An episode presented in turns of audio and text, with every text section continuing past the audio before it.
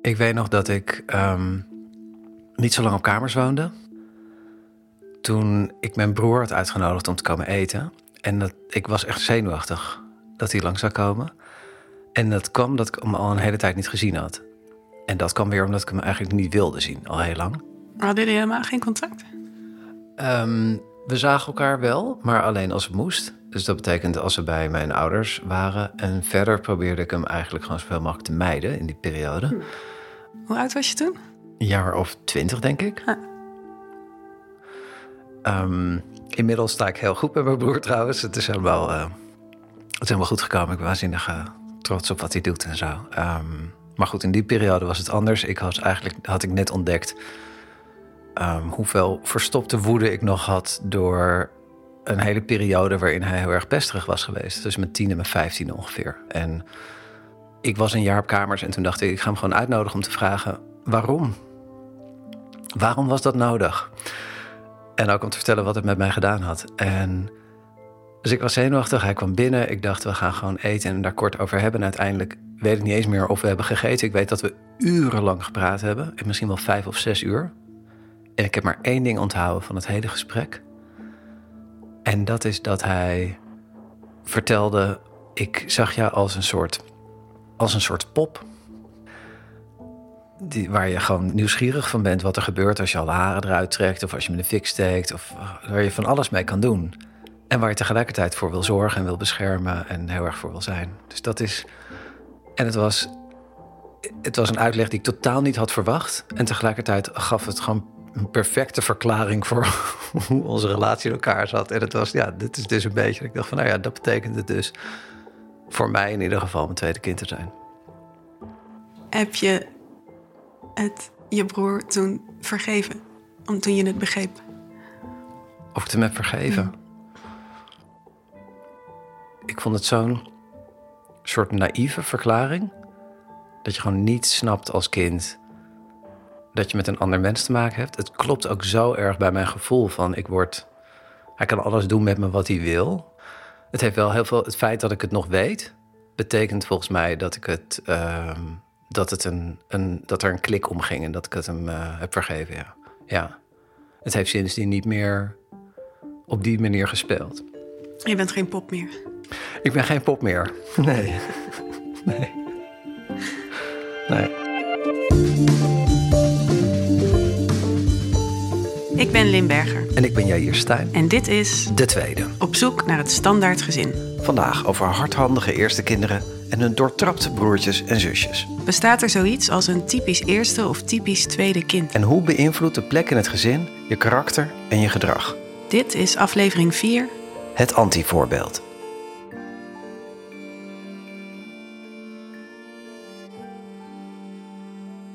Ehm, Oké, ik ben maar één iemand met één ervaring. Wat zegt de wetenschap over ehm, ja, wat het betekent om op de tweede plaats te staan, om nummer twee te zijn? Nou, de wetenschap zegt er een heleboel over, maar een, een, een, een veel voorkomend antwoord is dat eh, als je de tweede bent, dat je dan opgroeit met een, met een rolmodel, met een voorbeeld in de vorm van je oudere broer of zus. Ehm, en dat zie je bijvoorbeeld terug in het feit dat als een oudere broer of zus rookt of drinkt of crimineel is of gaat scheiden, dat de kans dat, eh, eh, dat de tweede dat dan ook gaat doen significant omhoog gaat. Dat zie je gewoon in de cijfers. Ja. En, eh, en andersom is het niet zo. Dus als een tweede kind gaat scheiden, dan gaat de kans dat een oudere broer of zus gaat scheiden niet omhoog. Oké, oké. Dus, dus je ziet inderdaad dat de eerste is een voorbeeld voor de tweede. ja. Ik herken dat totaal niet uit mijn eigen jeugd, moet ik zeggen. Nee, je hebt niet ook een, een, een pop gevonden om, eh, om op te experimenteren. Nee, maar sterk, nou, ook met, heel concreet met dit, met dit soort voorbeelden. Mijn broer ging al redelijk vroeg roken en ging blowen. En ik kon dat van een afstandje aanschouwen. En heb daar de conclusie uitgetrokken: dat ga ik dus nooit doen. En dat heb ik ook volgehouden tot in mijn volwassen. Dus dat, dat, dat heeft best een ernstig effect gehad. Bedoel, ernstig. Gezond voor mij, maar ergens ook wel een beetje absurd. Dat ik dus nooit een trekje überhaupt heb genomen van een sigaret of van een joint. Nog nooit? Ik, was, ik heb er eerst een radioreportage gemaakt over de gevaren van nederwiet. En toen dacht ik, misschien moet ik eens een keer een trekje nemen. Beviel niet en toen heb ik het daarbij gelaten. Dus ik heb één keer in mijn leven uiteindelijk een trekje genomen op mijn 35ste. Wauw. Ja, Ja, dus eh, eh, in dat geval was, was je broer het voorbeeld van hoe het niet moest. Ja, een anti-voorbeeld. Ja, precies, een voorbeeld hoe het niet moest. Ja, ja. Ja, je bent niet de enige. Als we dan met z'n vier op vakantie gingen, we hadden een eend. En ehm, mijn, mijn ouders zaten voorin en mijn zusje en ik zaten achterin. En dan waren we altijd aan het zingen. Echt de hele weg van, van Amsterdam naar Frankrijk waren we aan het zingen. Dat was echt geweldig. We hebben maar twee keer gedaan, maar het is zo'n leuke herinnering. Dit is uh, Teska. Die reageerde ook op onze oproep, op de correspondent. Is een vrouw van in de 60. Uh, woont in een, in een rijtjeshuis in Castricum. En ze heeft in de tuin een uh, oude garage die ze heeft omgebouwd tot atelier. Ze is schilder. Mm-hmm. Ze liet me schilderijen zien. Ze werkte aan een serie duetten. Allemaal tweetallen schilderijen die dan elkaar aanvullen of, of contrasteren. En ik vroeg haar om, uh, eigenlijk, ja, om, om, haar jeugd te omschrijven en te, te, vertellen over hoe het was om op te groeien met een oudere zus. Ik, ik herinner me wel um, dat zij altijd veel zachter is geweest dan ik. Dus veel wat, wat, wat zachter en meegaander en um, buigzamer. En ik herinner me vrij vroeg dat ik dacht dat ik niet zo wilde zijn als zij, omdat ik dat niet zo, dat was niet zo handig. Wat ze bedoelde met dat zachte was dat haar zus um, eigenlijk zich heel kwetsbaar opstelde. En dat zag ze met name op school. Haar rol eh, op, op, op de middelbare school was pispaaltje. En daar, daar koos ze voor, want dat was voor haar de enige manier waarop ze geaccepteerd werd. Ze werd uitgelachen en gepest. En, en uh, ik weet, ze vertelde, ze was ook ze was voortdurend verliefd. En dan vertelde ze dat aan haar beste vriendinnetje. En die ging het dan in de hele klas aan iedereen vertellen. Of dan schreef ze een, een, een brief aan een, aan een beste vriendin. En dan de volgende dag had die beste vriendin had die brief in de hele klas hardop voorgelezen. En, en dat soort dingen.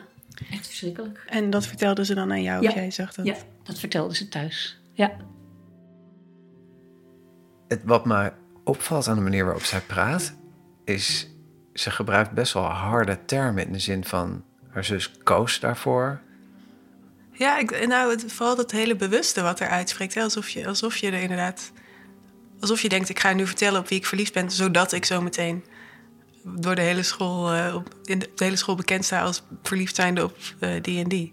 Ik kreeg me de indruk bijna alsof ze zich er boos van maakte. Ja. Van, ah, dat doe je toch niet? Uh, ja. Ja, er zit ook, er zit ook een soort. misschien is het ook wel een boosheid om. uit machteloosheid.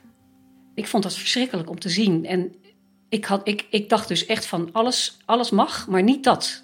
En, dat. en daarom koos ik ervoor om een volstrekte eenling te zijn. Want ik, ik hoorde er niet bij. En ik was niet bereid om um, zo te zijn als zij. Ik vroeg haar wat het dan betekende om een eenling te zijn. En ze vertelde dat ze gewoon eigenlijk in elke schoolpauze rondjes ging lopen door de school in de eentje. Uh, nou, als je dat vijf, zes jaar moet volhouden, dat is heftig. Heel erg heftig, ja. Ja, ja. en dat beperkte zich ook niet alleen tot school, dat idee van onzichtbaarheid. We hebben, hadden niet zo'n fijne jeugd. Mijn moeder mishandelde ons. En um, zij was degene die in opstand kwam. Die, die toch dingen deed of die toch in, openlijk um, tegen mijn moeder inging. En ik had, het er, ik had het er niet voor over om mijn kont tegen de krip te gooien. Want ja, dan kreeg, ze, kreeg je nog meer straf. Hè, dat wist je van tevoren. Ik, ik herinner me echt heel vroeg dat ik dacht van, van... ik zorg gewoon dat ik onzichtbaar ben. Want, want zo zichtbaar als zij, dat, uh, dat, uh, dat kost, kost gewoon te veel. Als Tesco of haar zus niet deed wat hun moeder wilde, of wel deed wat hun moeder niet wilde, dan, nou, dan, werd er, dan vloog zij uit haar slof. en dan volgde er straf. En uh, zus van Tesca, die, die, ja, die deed toch gewoon heel vaak wat niet mocht. Toen we heel klein waren, echt een ja, drie en vier of zo. Als we dan aan tafel gingen, dan um, moest mijn zusje altijd huilen. En ik, ik, weet, ik weet niet meer waarom. Maar daar, daar hing spanning van. Wij wisten dat we allemaal dingen goed moesten doen die we dan niet goed deden. En uh, mijn zusje moest echt om niks moest ze huilen. En dan werd mijn moeder woedend. Echt woedend. Dus ik wist van, dat moet ik dus niet doen. Ze heeft de hele tijd over een zusje. Ja. Maar het was toch de oudere zus? Ja, dat verbaast mij ook. Ze zei, nou misschien komt het doordat het leeftijdsverschil zo klein is. En toen zei ze, maar misschien komt het ook wel omdat ik me ergens ook wel de oudere verantwoordelijke zus voelde. En ze beschreef dat ze een keer uh, uh, na school stonden te wachten om opgehaald te worden. En er kwam maar niemand. En dat haar zus toen uh, in paniek raakte en begon te huilen. En dat zij toen haar ging troosten en ging zeggen, nou het komt wel goed. En, en ik denk eigenlijk dat die, zeg maar, het feit dat ze zich zo boos maakte... omdat haar zus bereidwillig het pispaaltje was op school... of alsmaar dingen deed waardoor ze de woede van haar moeder op haar hals haalde... daar zit ook ergens iets beschermends, iets beschermends in. En betekende dat dan dat ze aan de dans wist te ontspringen zelf? Nee, helaas niet. Ik kon slecht eten. En als ik dan niet genoeg gegeten had of te langzaam at, dan ehm, eh, mocht ik niet op onze kamer slapen, maar dan moest ik alleen op zolder slapen. En dat was heel eng. Dat was echt heel eng. En dan moest ik in een bed slapen waar ik niet zelf uit kon. Dat stond heel hoog en ik was gewoon veel te klein om daaruit te klimmen. Maar, maar ook eh, toen ik wat ouder was, toen zat ik op school. En toen vond ze dat ik niet hard genoeg werkte. En toen heeft ze op een gegeven moment mijn raam heeft ze wit geschilderd. Ik zat op mijn kamer en ze komt op een gegeven moment binnen met een emmer. Met, uh, en ze begint, uh, begint dat, dat raam te witten. Gewoon, ja. En, en toen zei ze van, ja, je kijkt te veel naar buiten. Dus dan zal ik zorgen dat dat niet meer kan. En toen maakte ze voor de poes een heel klein stukje schoon... dat de poes wel naar buiten kon kijken en ik niet. hoe oud was je toen, toen dit gebeurde? Toen was ik, zat ik op de middelbare school, 12. Ja, dus dat was, ook, dat was ook heel vernederend. Was dat een vorm van sadisme, denkt ze nu zelf? Of was er iets nee, mis Teska met die moeder? denkt dat er iets mis was met haar moeder. Hm. Dat die uh, een psychiatrisch patiënt was, maar niet gediagnosticeerd. Ja. Uh, en ze denkt ook dat haar moeder dat ergens met de beste bedoelingen deed. Ze heeft me later wel eens verteld dat ze dacht dat opvoeden was uh, de breken van het willetje. En daar heeft ze zich met, uh, ik bedoel, wij zijn, wij zijn sterke vrouwen in onze familie, dus daar heeft ze zich met alle kracht die ze in zich had aan gewijd. En uh, daar ging het over. Waar was de vader in dit geheel? Was die er? Uh, die was aan het werk. Ja, die was veel aan het werk. Een beetje, ik denk een beetje het type de man die op zondag het vlees komt snijden. Uh, en nou ja, wat Teska vertelde dat ze jaren later wel met de vader over heeft gehad. En dat hij zijn excuses heeft aangeboden. Dat hij het niet goed heeft gezien. En waarschijnlijk ook niet wist hoe ermee om te gaan. Uh, met zijn vrouw. En met wat daar gebeurde. Goed, haar, haar zus was een soort van continu aanwezig voorbeeld van hoe het niet moest. Betekende dat dat ze dan ook met heel veel afstand met die, met die, met die zus omging? Nou, het gekke is, ze vertelde dat, dat zij en haar zus niet veel spraken over hoe hun moeder was of wat er thuis gebeurde. Het was niet, niet een onderwerp waar ze het over hadden of waarin ze elkaar advies gaven. Of... Misschien vonden ze, dachten ze ook gewoon dat het normaal was. Ja, het was, het, het was hoe het was. Daar, daar hadden ze het verder niet over. En dat voelt, om te horen, voelt dat afstandelijk. Dat het grootste ding wat er in je huis gebeurt, dat je dat niet bespreekt. Maar ze beschrijft eigenlijk een hele liefdevolle, warme uh, zusjesband. Hmm. Ze hadden het... Uh, ze hadden het er onderling niet over, maar ze vertelden wat, wat er wel gebeurde. Ze hadden een, een oma, de moeder van hun vader. Daar gingen ze vaak logeren en dan sliepen ze in het grote bed. Toen waren we denk ik een jaar of acht à tien, zoiets. En dan eh, s'nachts als we gingen slapen, dan lagen we samen in dat bed en dan deden we rollen spelen. Dan, dan deden we to voerden we toneelstukjes op.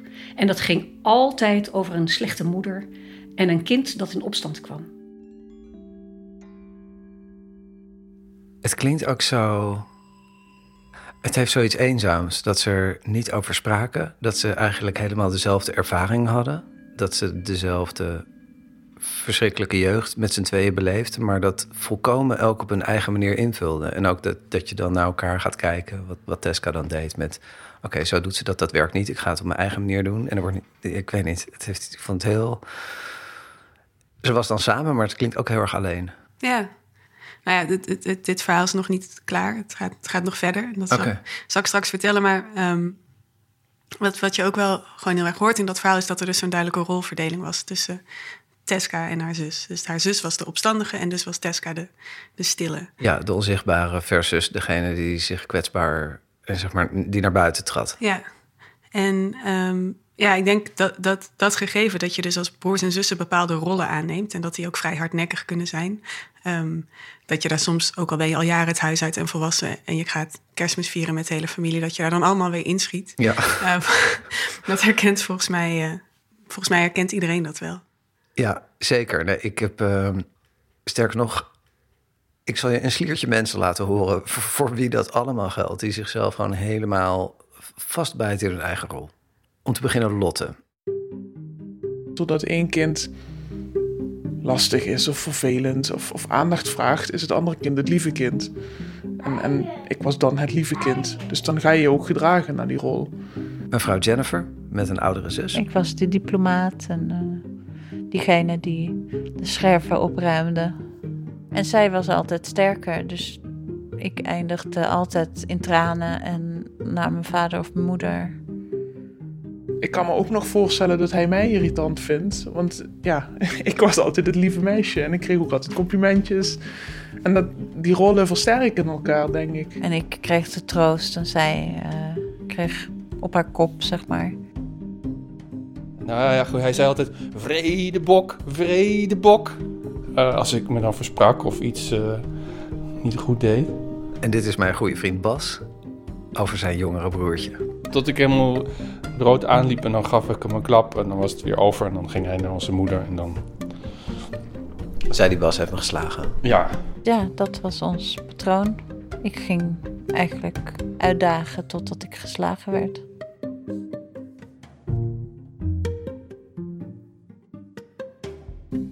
Ik denk gewoon dat mijn ouders eigenlijk niet zagen wat ik deed. Dat ik continu aan het pesten of uitdagen was.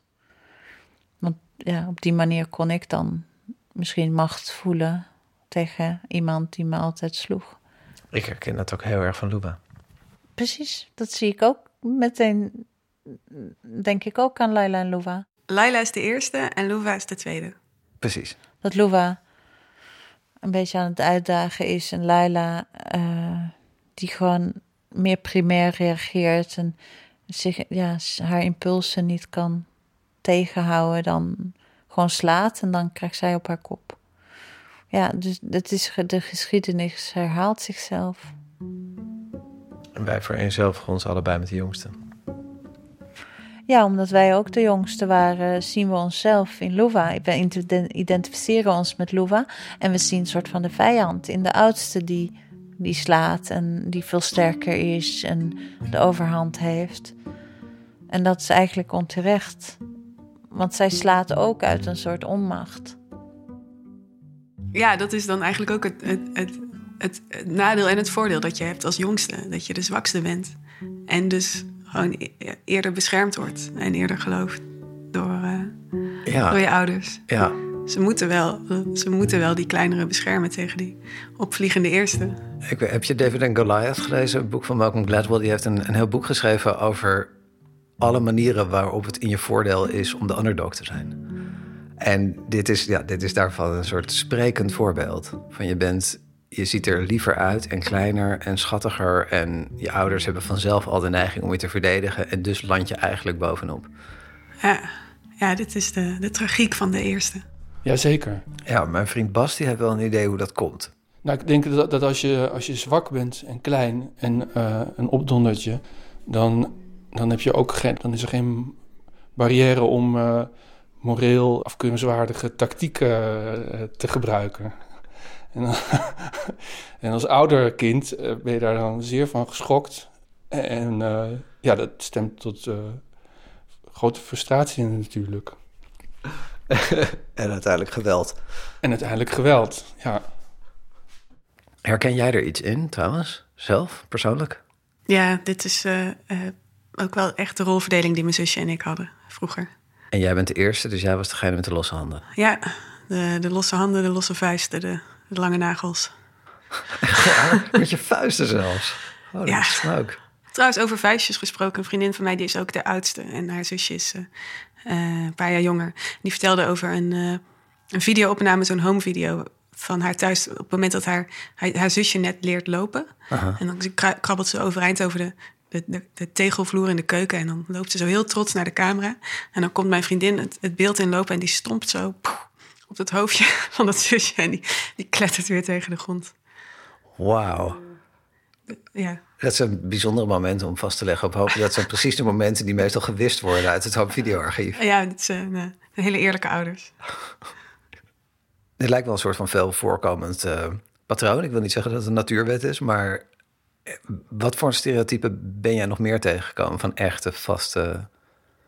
Uh, nou, eentje die ik eigenlijk de hele tijd tegenkwam, zowel uh, in de boeken als om me heen, is dat de, de oudste, de, de rustige, brave, verantwoordelijke is. En de jongste, de, ja, meer, de, meer de losbol en de sociaal vaardige rebel.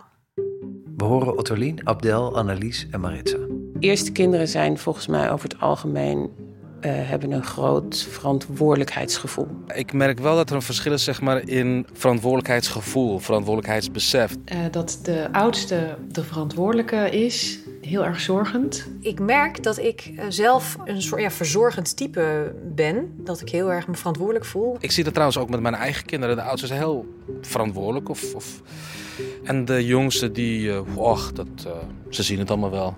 En die jongste is een dartelaar toen ze klein waren, onder de tien zeg maar, zag ik dat bijna bij iedereen. Dat ik dacht, nou, dit is gewoon raar. Hoe kan dat? dat, zijn toch allemaal heel verschillende kinderen. Maar ik denk zeker dat de plek waarop je geboren wordt in het gezin iets doet met je ontwikkeling. Dit is eigenlijk een hele slechte wetenschap die we hier bedrijven natuurlijk. We interviewen wat mensen en die voorbeelden hopen we dan dat die staan voor meer. Wat, um, wat zegt de echte wetenschap? Ja, wat zegt de echte wetenschap over dit soort over dit soort denkbeelden van hoe je plek je karakter vormt of je persoonlijkheid beïnvloedt? Uh, ja, de, de, de, wetenschap is daar al uh, anderhalve eeuw over in discussie. Een van de eerste die erover begon was Sir Francis Galton. Uh, een socioloog, psycholoog. Nou, een beetje zo'n manusje van alles. Want dat kon gewoon nog in die tijd, in 1874. Mhm. Ook de grondlegger van de eugenetica. Dus het is niet de beste Oh, fijn. Later gebruikt door de nazi's. Ja, mm ja omarmd door de nazi's. Maar in 1874 um, was hij gewoon heel onschuldig bezig met het... Uh, hij bracht een boek uit waarin hij vooraanstaande Britse wetenschappers portretteerde. En uh, toen viel het hem op dat het merendeel van hen waren eerstgeborenen. Waren eerste kinderen. Dus eerstgeborenen... Als je als eerste geboren bent, dan grotere kans op succes. Precies. En uh, daar had hij ook wel een verklaring voor. Want in die tijd was het zo dat uh, oudste zonen in Engeland waren de erfgenaam uh, uh-huh. binnen een gezin. En dat betekende volgens Galton um, dat ouders hun, hun eerstgeborenen net wat beter behandelden dan al hun andere kinderen. Ze gaven hen meer tijd, meer aandacht, meer verantwoordelijkheid, meer eten in tijden van voedselschaarste. Um, en nou ja, al die dingen samen maakten dan dus dat je als oudste gewoon meer kans had op succes. Maar dat, dat idee van Galton klinkt dermate logisch dat je het nauwelijks een theorie kan noemen. Het was, het, dit was, neem ik aan, gewoon hoe het was. Dat je als, als eerste kind zoveel meer kreeg van je ouders... dat het een, een voorspelbaar effect had op je kans op succes, toch? Ja, ja. Uh, maar het wordt iets twijfelachtiger uh, een kwart eeuw later. En dan mm. komt uh, meneer Adler voorbij, dat is een volgeling van Freud... Die, um, die zei: Ja, je plek in het gezin bepaalt niet alleen je kans op succes, het bepaalt je karakter. En wat hij zei was: Als, als, een, als een, een oudste kind een broertje of zusje krijgt, dan wordt hij eigenlijk van de troon gestoten. Hij wordt onttroond. Uh, en dat is een zwaar traumatische gebeurtenis waar oudste kinderen ook de rest van hun leven last van hebben. En dat resulteert in ja, zorgelijke, enigszins neurotische uh, volwassenen het idee komt me niet alleen bekend voor, maar het is ook een soort van schrikbeeld bij mijn eigen kinderen. Dat ik denk van daar zie ik dus gewoon best wel veel jaloezie. En bij mijn oudste denk ik dan ook van ja, die is echt aan de troon gestoten. Het voelt alsof er een bom in haar leven is gevallen. Dus dat, ik, dat onttronen zit ook een beetje volgens mij in het collectief geheugen. Ja, nee, het is een heel succesvolle, succesvolle term. Die heeft, het, uh, die heeft het goed gedaan. En ook het idee dat dat dus effect heeft op je persoonlijkheid. Dus Adler zei, die oudste kinderen, die zijn neurotisch en ook wel verantwoordelijk en braaf. Uh, en de jongste is, is een verwend nest. Uh, en eigenlijk alle kinderen in het midden zegt hij dat zijn, ja, dat zijn de, de vredescheppers, de diplomaten, die zijn, uh, die zijn heel stabiel, emotioneel. Hij was zelf ook een middelste kind. Dus dat, ik sowieso, je, zou, je zou een geschiedenis kunnen schrijven van uh, het geboortevolgorde-effect, waarin je dan alleen maar kijkt naar de, de, de plek in het gezin van, van de bedenkers van bepaalde theorieën. Met een voorspelbare uitkomst. Precies. Maar er is dus eigenlijk tamelijk veel. Want Adler leefde wanneer? Uh, ja, dit is eind 19e eeuw, begin 20e eeuw. En er is, er, is, er is in onze collectieve visie op eerste en tweede kinderen... dan blijkbaar niet ontzettend veel groei in geweest sinds, die, uh, sinds 100 zoveel jaar. Nee, nee, het zijn hele hardnekkige stereotypen. Uh, waarschijnlijk hm. uh, zijn ze ook zo hardnekkig... omdat het vaak ook wel overeenkomt met wat we zien.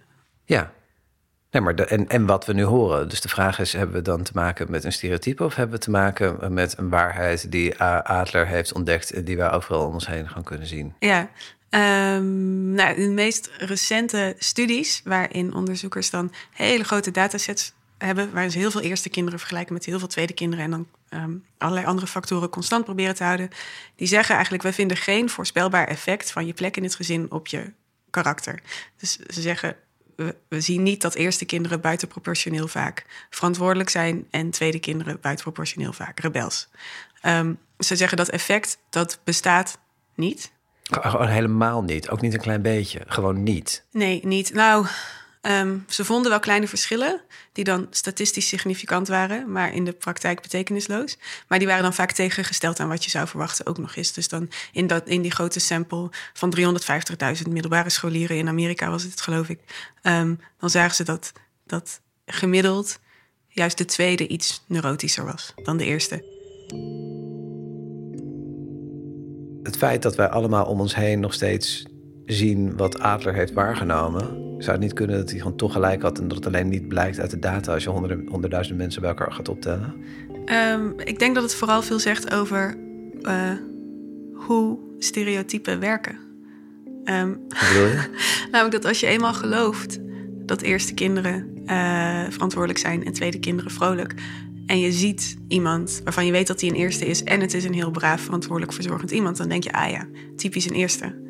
Um, vergelijkbaar met horoscopen. Dat je denkt, uh, oh ja, stieren, dat zijn, die, zijn, uh, die zijn notoir koppig. Dit is het enige sterrenbeeld waarvan ik iets weet, want dat denk ik zelf. Uh, maar en dan, en dan ontmoet je iemand waarvan je weet dat hij een stier is en die is ook koppig. En dan denk je, ja, zie je wel, typisch een stier. Ja. en is het een schorpioen, dan denk je, oh, die heeft een slechte dag je herkent eigenlijk de patronen die al in je achterhoofd zitten dan eigenlijk. Ja, Want, die, die, bevestigen wat je al dacht. Precies, ja. En nu ik dat zou bedenken, denk ik van... ik heb inderdaad ook iemand gesproken... waar het niet het jongste kind was...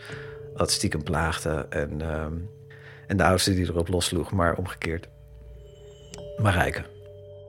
Ik, ik vermoed dat uh, de oudste, dat Tex, um, op heel uh, stille wijze de jongste kan gaan lopen uitdagen met uh, te veel in zijn, in zijn ruimte komen.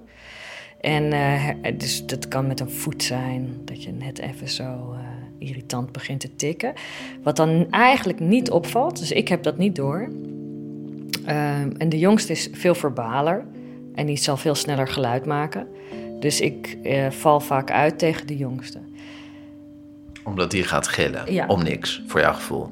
Want jij zag die voet niet. Exact. Je zoekt gewoon naar voorbeelden die kloppen bij je eigen beeld van hoe de wereld in elkaar zit. En pas later dacht ik van, hé, hey, maar ze beschrijft eigenlijk gewoon precies hetzelfde, maar dan andersom. Het is hier de oudste die geniepen gedrag vertoont en de jongste die slaat. En nou ja, dat, dat, ja. ja. ja. en dat is precies hoe het werkt. Dat je, dat je een theorie hebt en dan zoek je naar voorbeelden die die theorie sterker maken. Dus je theorie is inderdaad, oudste kinderen zijn zus en jongste kinderen zijn zo. Um, maar ja, wat Marijke beschrijft over die, die, die rolverdeling, dat, dan, dan, dat gaat dan toch weer over gedrag. En een soort die, die onderlinge relatie tussen die kinderen. Ja, niet over persoonlijkheid. Nee, niet over persoonlijkheid. Maar goed, in, in allebei de gevallen kun je dus zeggen, ja, er zijn geen natuurwetten. Je kan niet van tevoren voorspellen voorspellen hoe, hoe, mensen zullen zijn, wie ze zullen zijn en hoe ze met elkaar om zullen gaan. Ja, en de belangrijkste reden dat je zeg jij dat we, dat we die patronen wel denken te herkennen en zo vaak om ons heen zien, is dat je, je ziet wat je verwacht dat je gaat zien. Ja, ja verwachtingen sturen echt ontzettend uh, je blik en je waarneming. Ja, ik realiseer me ineens dat er meer is wat Marijke vertelde. Um, wat ook niet aansluit op mijn eigen beeld van hoe uh, gezinnen functioneren. En wat je eh, dus ook niet uh, hebt geregistreerd. Nee, ik denk dat ik dat onbewust terzijde heb geschoven en weggelaten heb uit het verhaal. Namelijk het idee dat er natuurlijk niet alleen conflict is tussen broers en zussen, maar dat ze elkaar ook kunnen helpen en soms ook echt lief kunnen zijn voor elkaar. Uh, wij woonden in een. Uh, wij hadden dan een etage en dan op zolder heb je nog een zolderkamer voor je rotzooi. Wij hadden twee van die zolderkamers, dus één was voor rotzooi, maar de ander was uiteindelijk voor mijn broer toen hij wat groter werd. Daar verbleef hij met rattenkooi en echt een hele verzameling lege bierflesjes langs het plafond. Waar hij gepist was. Dat was echt heel vies. Uh, ja, er is daar op die zolderkamer geen toilet. En als je dan s'avonds daar uh, uh, jointjes zit te roken... dan heb je echt niet zo zin om naar beneden te lopen... om daar eventueel je moeder tegen te komen om naar de wc te gaan. Dus mijn broer die plaste in lege bierflesjes. Maar hij ging dan ook wel eens door de week s'avonds daar weg. En dat deed hij op weinig zachtzinnige wijze. Dus hij stormde dan de trap af. Dat kon je beneden heel goed horen. Uh, en wat ik dan vaak deed, was dan ging ik spontaan ineens in bad. Want als je dan het bad heel aanzet, dan gaat de gijzer heel luidruchtig aan. En dan verbloemde dat die voetstappen van mijn broer op de gang. Dus ik, ik uh, ging ook zorgen dat hij uh, niet betrapt werd. Dan hoorde je hem de trap afkomen en dan dacht je... dan ga ik gewoon razendsnel het badwater aanzetten. Ja, lief hè, eigenlijk. Ja, beloof dat je nog zou vertellen hoe het af is gelopen met Tesca. Wat Ja. is er met haar gebeurd en haar zusje? Tesca was degene die onzichtbaar was geworden in het gezin, omdat ze bij haar, haar grotere zus zag ehm, dat het eh, hele akelige gevolg had als je je al te kwetsbaar opstelde naar buiten. En ze durfde geen van beiden in opstand te komen tegen hun moeder die ze mishandelde. Ja. Ehm, maar op een gegeven moment kwam haar zus toch in opstand. Eh, dat was toen ze een jaar of 17, 18 was en besloot ehm, te gaan studeren. Eh, maar een studie koos waar haar ouders eh, het niet mee eens waren. En ze het huis uitging. Ze ging op kamers in Haarlem. Ook tegen de wens van haar ouders in. Oké. En eh nou, Teska, die toen dus in de laatste jaren van de middelbare school zat, vertelde dat eigenlijk het moment dat haar zus het huis uitging, kwam er ook ruimte voor een nou ja, soort nieuwe fase in hun relatie als zussen. Die, die eigenzinnigheid die, waar ze zich eerder aan stoorde, die vond ze nu eigenlijk gewoon heel erg op, op zijn plaats en, eh, en bewonderenswaardig. Ik ging dan af en toe bij haar op bezoek. En dat was natuurlijk ook ja, zo nieuw. Van je gaat bij je grote zus eh, in haar nieuwe leven eh, op bezoek. Ja, dat was zo bijzonder. Ja, en daarvoor, toen ze klein waren, keek ze ook een beetje naar haar zusje van... jeetje, wat doe je jezelf aan? Ja, En nu dacht ze van... Nou, ze durfde nu eigenlijk echt iets te doen... dat zij zelf nog niet, die stap die ze zelf nog niet had durven zetten. ja ze dacht, eh, you go girl. En, Ja. eh, en ik, wil het, eh, ik wil het zien, ik wil het mee, ik wil er onderdeel van uitmaken. Ehm, en dat is heel mooi, alleen het duurde niet zo lang. Eh, want toen haar zus 19 was, is ze aangereden. Zij fietste van Haarlem, binnenstad Haarlem, fietste ze naar haar werk in Zandpoort. Ze had een keer een nachtdienst. En ze kwam terug van nachtdienst. En toen is ze aangereden op een, ehm, eh, ja, ik weet niet, door, door een bakkersbusje. Ze was op de fiets en ze is aangereden en in een coma beland. En eh, ja, het, het is natuurlijk een hele, het is een hele on, on, onwezenlijke tijd. Ja, weet je, mijn, mijn, vooral mijn moeder zat heel erg ehm, op de lijn van... ik wil dat ze blijft leven. Ik, maakt niet uit hoe. En ehm, op een gegeven moment heb ik, ehm, ben ik naast mijn zusje gaan zitten... En heb tegen haar gezegd: Ik wil heel erg graag dat je wakker wordt en dat je beter wordt en dat je blijft leven. Maar als je niet wil, dan mag je van mij ook doodgaan. En dat was, dat was zo waardevol om dat tegen haar te kunnen zeggen. En een dag later was ze dood. Ja. Eigenlijk zei je ergens ook: ehm, doe maar gewoon weer wat je zelf wil Ja. en niet wat onze moeder wil. Ja, ja, ja, wauw. Ja, ja, wat mooi. Ja. Het was een laatste protest tegen de moeder ook. Ja. Ja. Nee, dus haar, zus is overleden en eigenlijk is de, de rest van het gezin daarna gewoon uit elkaar gevallen. En toen zijn mijn ouders eh, gescheiden en ik ben ook het huis uitgegaan. Ik, ik heb met grote ruzie, mijn moeder heeft me het huis uitgestuurd. En toen ik bij haar was, stond er eh, in, de, in de woonkamer stond een, een kunstwerk waar ze op dat moment mee bezig was. Al die laagjes, dat wordt een soort, ehm, daar ga ik overheen schilderen. Dus dat wordt een soort schilderij met, met, allemaal, eh, met een heel groot stuk wat je niet ziet. Dat zit ertussen. Want je hebt een, een doek en daar heb je een lap stof. Ja, ik, ik ben het aan het, eh, al- als een plooirokje ben ik allemaal eh, eh, plooien aan het maken. En dan ben ik die plooien ben ik rechtop. Plak ik op een, op een, eh, op een plankje.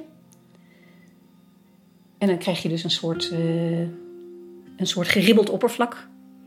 En, en dat geribbelde oppervlak ga ik beschilderen. Maar tussen, wat er tussen die ribbels zit, is wat je niet, is wat je niet ziet. Ze vertelde dat, dat, dat eigenlijk dat kunstwerk ook ging over haar neiging zichzelf onzichtbaar te maken en alles wat er in haar jeugd gebeurd is. En dat is die schaamte. Dat is die, datgene wat je, niet, eh, wat je niet mag zien, wat je niet mag vertellen. En wat je daarvan wel en niet nog ziet nu? Alles wat niet gezegd is, alles wat niet gezien mocht worden. Ja. ja. Teska is nu begin 60. Mhm. Dus, haar, dus ze leeft al iets van meer dan 40 jaar zonder haar zus. Ja, Speel, denkt ze er nog vaak aan terug? ja ze, eh, heel vaak. En eh, ze vertelde ook dat, dat hoewel haar, haar, haar man en haar kinderen hebben haar zus nooit gekend... maar die hebben het idee dat ze haar wel kennen. Ehm, en dat ze, voor haar gevoel is haar zus er eigenlijk is er gewoon nog. Kijk, ik weet natuurlijk dat ze dood is, maar, maar ze is nog zo heel erg ehm, mijn zusje. En, en op een of andere manier, zonder dat ze ouder is geworden, eh, loopt ze nog steeds met me mee. Is, ze er nog steeds, is het nog steeds mijn zusje? Ehm, kan je een voorbeeld geven van een moment wa- waarop je denkt... ja, mijn zusje is nu gewoon bij me, ook al is ze er al zoveel jaar niet. Ja, ja, ehm, ja, nu.